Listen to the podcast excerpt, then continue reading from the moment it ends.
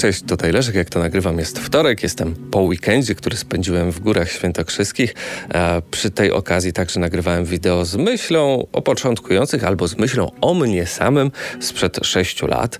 Byłem człowiekiem, który no nie tylko wdrażał się w samo jeżdżenie na rowerze, ale także zyskiwał um, jedną e, i tę samą perspektywę e, jazdy oraz jej kalkulacji, gdzie uważałem, że na rowerze liczy się tylko i wyłącznie średnia prędkość i oby ona była wyższa niż 30 km na godzinę, gdzie to jest jak, taka po prostu bariera psychologiczna zaraz na samym początku. Jeżeli człowiekowi udaje się utrzymać tę wartość, chociażby 30,1 na dystansie 30 km, to jest z siebie dumny, zadowolony i uważa, że zrobił postępy, bo tak, to jest jakiś sukces, tym bardziej jeżeli ja podczas swojej pierwszej rowerowej przejażdżki ledwie byłem w stanie utrzymać przelot gotowe 26 przy 110 kg, gdzieś tak mniej więcej. I ja myślałem, że to jest wszystko. Że więcej w tym kolarstwie nie ma, ono mi nic więcej nie będzie w stanie nigdy zaoferować niż bardzo duży dystans, co mnie oczywiście kręci, jak i również bardzo dużą prędkość, co mnie również kręci, zwłaszcza w porównaniu z komunijnym rowerem MTB, który no, ciężko było rozkręcić do większych prędkości niż te 25 e, na godzinę i ciężko było jednego dnia przejechać na nim załóżmy więcej niż 60. Mówię o tym z perspektywy dziecka, ale z punktu widzenia dorosłego, który kupił sobie szosę, człowiek jest w szoku, że można bez problemu przejechać i 100 km na rowerze po płaskim, można zrobić wtedy te średnią 30 km na godzinę, czujemy się spełnieni i nagle pojawia się propozycja od, od naszych znajomych, a choć pojedźmy razem w Tatry. Nie będąc świadomy tego, na co się porywamy, możemy być naprawdę zaskoczeni tym, że e, ta perspektywa jest kompletnie inna. Mam tutaj na myśli chociażby sposób patrzenia na dystans. Jeżeli e, ktoś z naszych znajomych zaproponuje nam przejechanie e, w sobotę trasy 60 km, to nie, nie powinniśmy patrzeć na dystans. Powinniśmy patrzeć na ilość metrów przewyższenia, które znajdują się właśnie na tej trasie, bo te 60 km może oznaczać na przykład 2000 metrów przewyższenia, gdzie porównywalnie na tym dystansie na Mazowszu metrów będzie 100. Yy, świadczy to o tym, że po drodze czeka nas co najmniej kilka wspinaczek i yy, to określenie jest niemalże dosłowne, gdzie pojedynczy podjazd może zająć nam na przykład godzinę 10. Wyobrażacie sobie przez godzinę 10 jechać pod górę o nachyleniu od 8 do 11% i jednocześnie 1000 metrów przewyższenia? Czyli to jest tak, jakbyśmy się wdrapali albo weszli po drabinie na kilometr. Abstrakcyjne, prawda? Ale w rowerze właśnie to jest fantastyczne, że odkrywamy tę nową wartość przewyższenia. Przewyższenie, co oznacza 1000 metrów przewyższenia na rowerze. Bardzo duży wysiłek, naprawdę. I z tego też względu te kilometry nie mają znaczenia, bo nagle człowiek się orientuje, że 60 kilometrów przejeżdża nie w dwie godziny, tylko w cztery i jest z tego powodu szczęśliwy, że tylko w cztery, bo gdyby po drodze nie było motywujących e, nas znajomych, to okazałoby się na przykład, że wrócimy do miejsca, do naszej, e, do, do naszej bazy wypadowej e, po sześciu. Mnie się to też oczywiście zdarzało, zwłaszcza wtedy, kiedy dałem się pierwszy raz namówić właśnie w taki sposób kompletnie spontanicznie e, podejmując decyzję o tym, że zmienię swoją lokalizację na przykład na południe Polski podczas weekendu. Oj, myślę, że najbardziej szokujące dla mnie był nie e, tyle bardzo wolny upływ kilometrów, tylko to, jak bardzo moje nogi to czują. Jak bardzo czują to moje mięśnie, jak bardzo muszę siłowo pracować, gdzie y, okazuje się, że nie jestem w stanie utrzymać y, kadencji książkowej 90 obrotów karbon na minutę, bo mi brakuje już przełożeń. Bo z przodu mam blat 36, a z tyłu największa moja zębatka ma 28 zębów. Ha! I w pierwszej chwili sobie tak pomyślałem, szkoda, że wcześniej nie zgłębiłem tematów konfiguracji przełożeń w swoim rowerze i że być może dużo lepsza by była kaseta, która posiadałaby z tyłu 30-32 zęby. E, to by mi z pewnością ułatwiło przy dosyć sporej nadwadze podjeżdżanie chociażby e, pod plus 10%, bo ważąc 100 kg, wjazd na, e, wraz z takim, z takim napędem pod taką górę oznacza to, że ja przez cały czas nie jestem w stanie zajmować innej pozycji niż ta stojąca na pedałach, kręcąc te 60 obrotów korbą na minutę.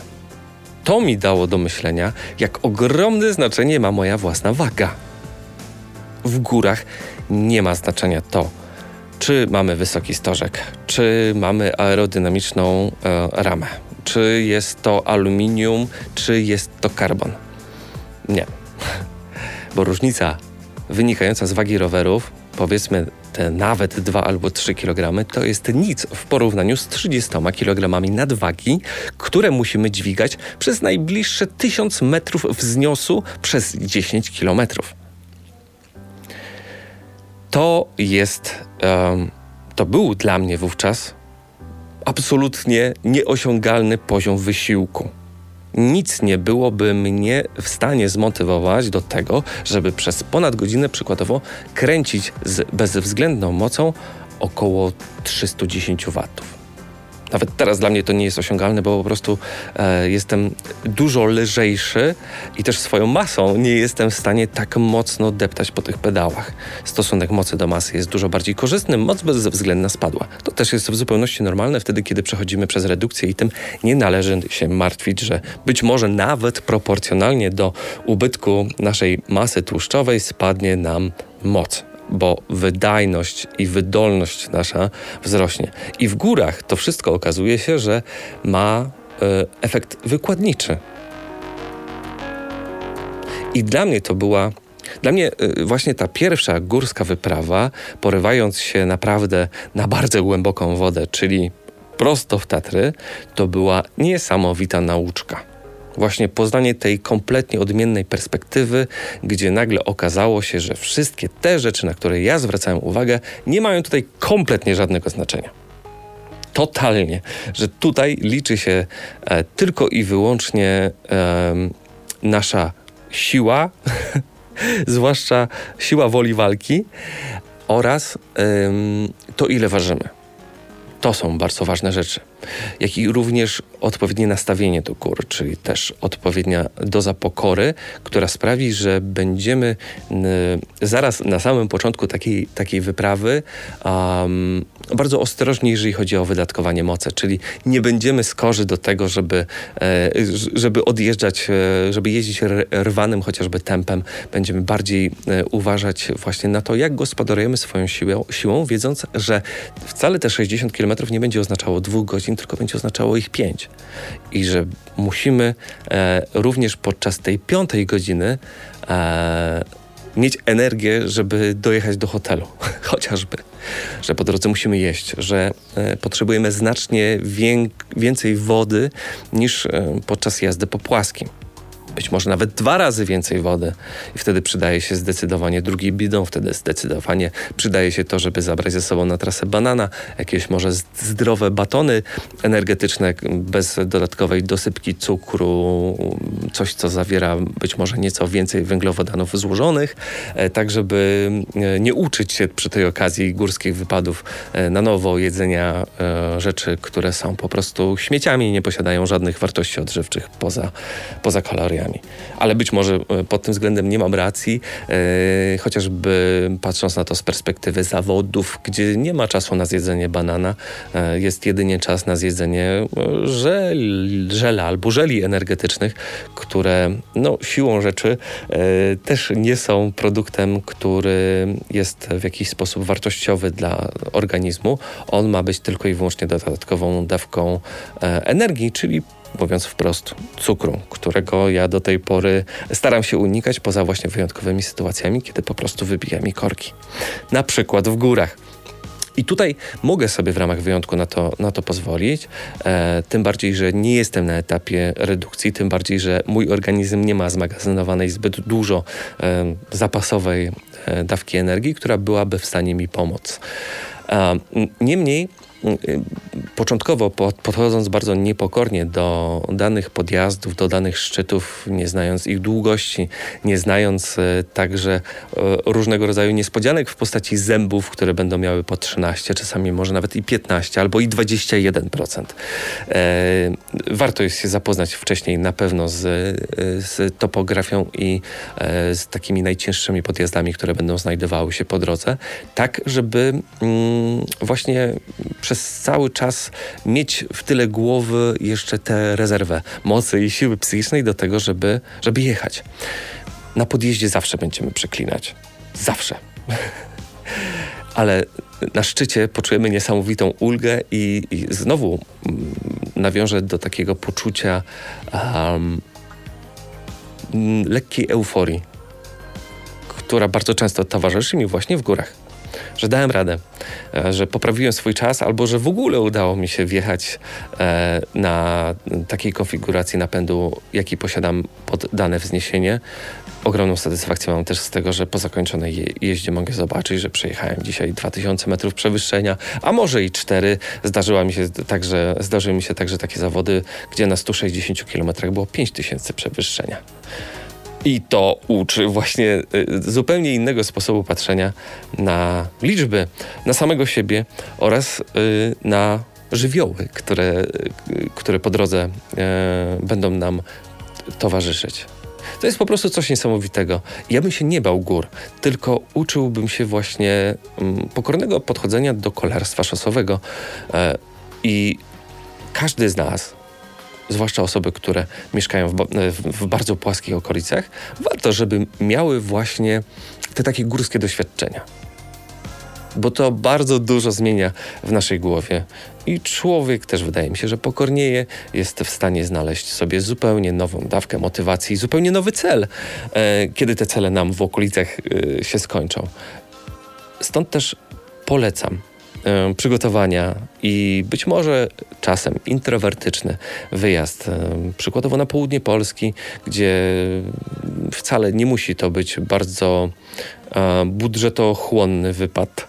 Można bardzo często ulokować się gdzieś w jakimś pensjonacie przy popularnych trasach kolarskich, e, wydając 150 czy 200 zł za dobę, plus paliwo, które będziemy potrzebowali, żeby dojechać na, na miejsce. I tak naprawdę oprócz jedzenia jeszcze dodatkowo oraz roweru, nic więcej nam, nam nie potrzeba.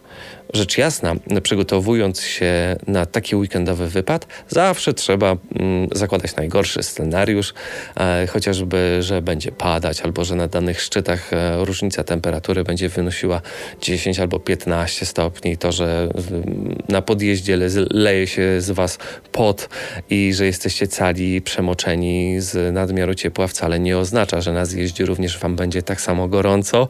Wręcz przeciwnie, bardzo często zdarza mi się ubierać kur kurtkę na szczycie przed zjazdem i nigdy tego nie żałuję, że, że nigdy tego nie żałowałem, że miałem gdzieś tam w tylnej kieszonce schowaną taką kieszonkową kurteczkę albo chociażby same rękawki, bo długie 10-kilometrowe czy 15 nawet czasami zjazdy potrafią niesamowicie człowieka wychłodzić, nie tylko ze względu na różnicę temperatury, ale także ze względu na różnicę wysiłku, ponieważ najczęściej na zjazdach prawie w ogóle nie pedałujemy.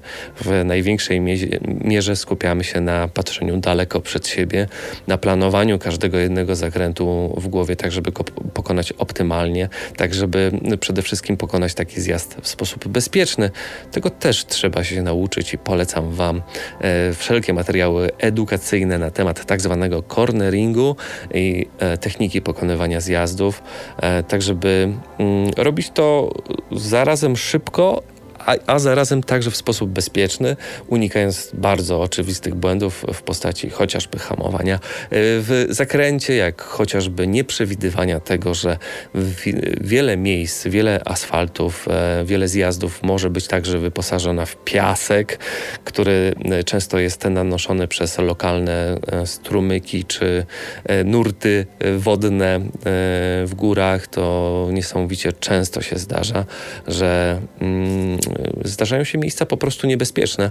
I e, przed każdym zjazdem, przed każdym stromym, także zakrętem trzeba brać poprawkę na to, że nie wiemy, co znajduje się za za e, zakrętem, za tak zwanym apexem.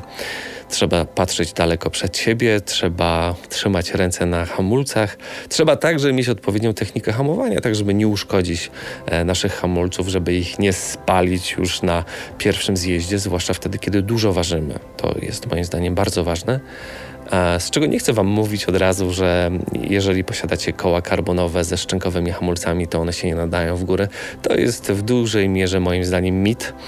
E, jeżeli posiadamy markowe obręcze, jeżeli posiadamy normalne klocki hamulcowe, które są przystosowane do e, współpracy z karbonowymi obręczami, to nie powinno się nic stać pod warunkiem, że używacie obu hamulców, a nie obciążacie na przykład tylko i wyłącznie tylny czy czy przedni układ.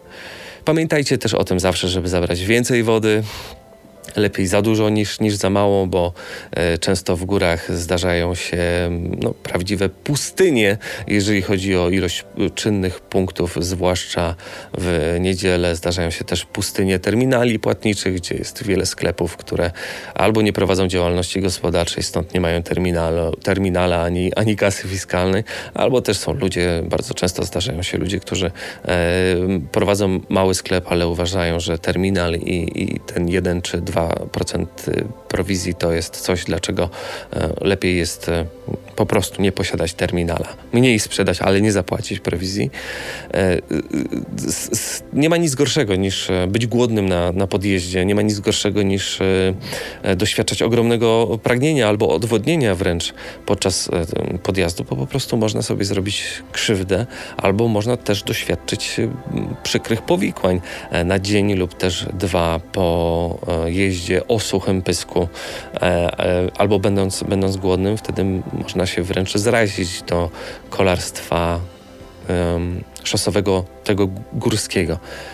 Zawsze zakładajmy, że przejechanie danego dystansu e, zajmie nam nawet trzy razy więcej czasu niż normalnie mm, śmigając po płaskim albo śmigając po płaskim w jakimś peletonie. Tutaj peleton nie będzie miał aż tak dużego znaczenia, a aerodynamika prawie też w ogóle. Najwięcej będzie zależało od naszych nóg, od naszego przygotowania mentalnego oraz wreszcie od tego, ile ważymy. I jeżeli szukamy motywacji, determinacji do tego, żeby e, redukować swoją, swoją własną masę, to góry są idealne, bo tutaj widać każdy kilogram każdy kilogram da realną oszczędność naszego czasu na podjeździe i będziemy poprawiać się w segmencie tylko i wyłącznie dlatego, ponieważ staliśmy się lżejsi. To jest niesamowite i ja tego też doświadczyłem, że nagle wszystkie, wszystkie podjazdy zaczęły być o 20-30% łatwiejsze. Tylko i wyłącznie dlatego, ponieważ jest mniej mnie samego. Mówiłem Wam o Tatrach, mówiłem o Beskidach, o Pieninach. To są wspaniałe regiony kolarskie, także chociażby po stronie e, słowackiej, gdzie warto jest się wybrać i, i zwiedzać e, góry także z mm, perspektywy naszych południowych sąsiadów, ale chociażby będąc mieszkańcami Mazowsza, można wybrać się, tak jak ja, w Góry Świętokrzyskie, to jest 150 km, to jest realnie czasem tylko półtorej godziny jazdy i już się pojawiają góry. I nie są one tak hardkorowe, nie są one tak wymagające, to jest idealny wstęp. A zarazem też idealna, idealne miejsce, idealna destynacja dla tych, którzy są na Mazowszu. Naprawdę, półtorej godziny jazdy w aucie i już jesteśmy w stanie być na y, prostej, chociażby do Świętego Krzyża to jest fantastyczne miejsce e, i to są fantastyczne podjazdy właśnie dla tych, którzy chcieliby spróbować, bo nie ciągną się one przez 5, 10, 15 kilometrów. Po drodze nie doświadczycie 15%. Doświadczycie 10 przez 2 e, kilometry na przykład i to jest fajny wstęp. I to już jest w stanie nas naprawdę bardzo dużo nauczyć i właśnie poznać tę zupełnie odmienną perspektywę kolarstwa szosowego, która da nam mnóstwo również na płaskim. Rozwi będziemy rozwijać dzięki temu siłę, e, wydolność, wytrzymałość tlenową, beztlenową, ale przede wszystkim naszą głowę. I to będzie nowy cel, nowe doświadczenie. I nasze cele nie muszą znajdować się tylko lokalnie. Nasze cele mogą być rozsiane po całej Polsce, a tym celem może być chociażby, e, może być chociażby e, podjazd pod Święty Krzyż, Krzyż wraz z medalem za personal rekord. I za każdym razem możemy się odrobinę poprawiać. I możemy także trenować zimą na trenażerze, mm, jeżdżąc po górach z myślą o tym, że gdzieś w południowej Polsce dzięki temu e, w kolejnym sezonie e, poprawimy swój czas, swój życiowy rekord. Czego życzę?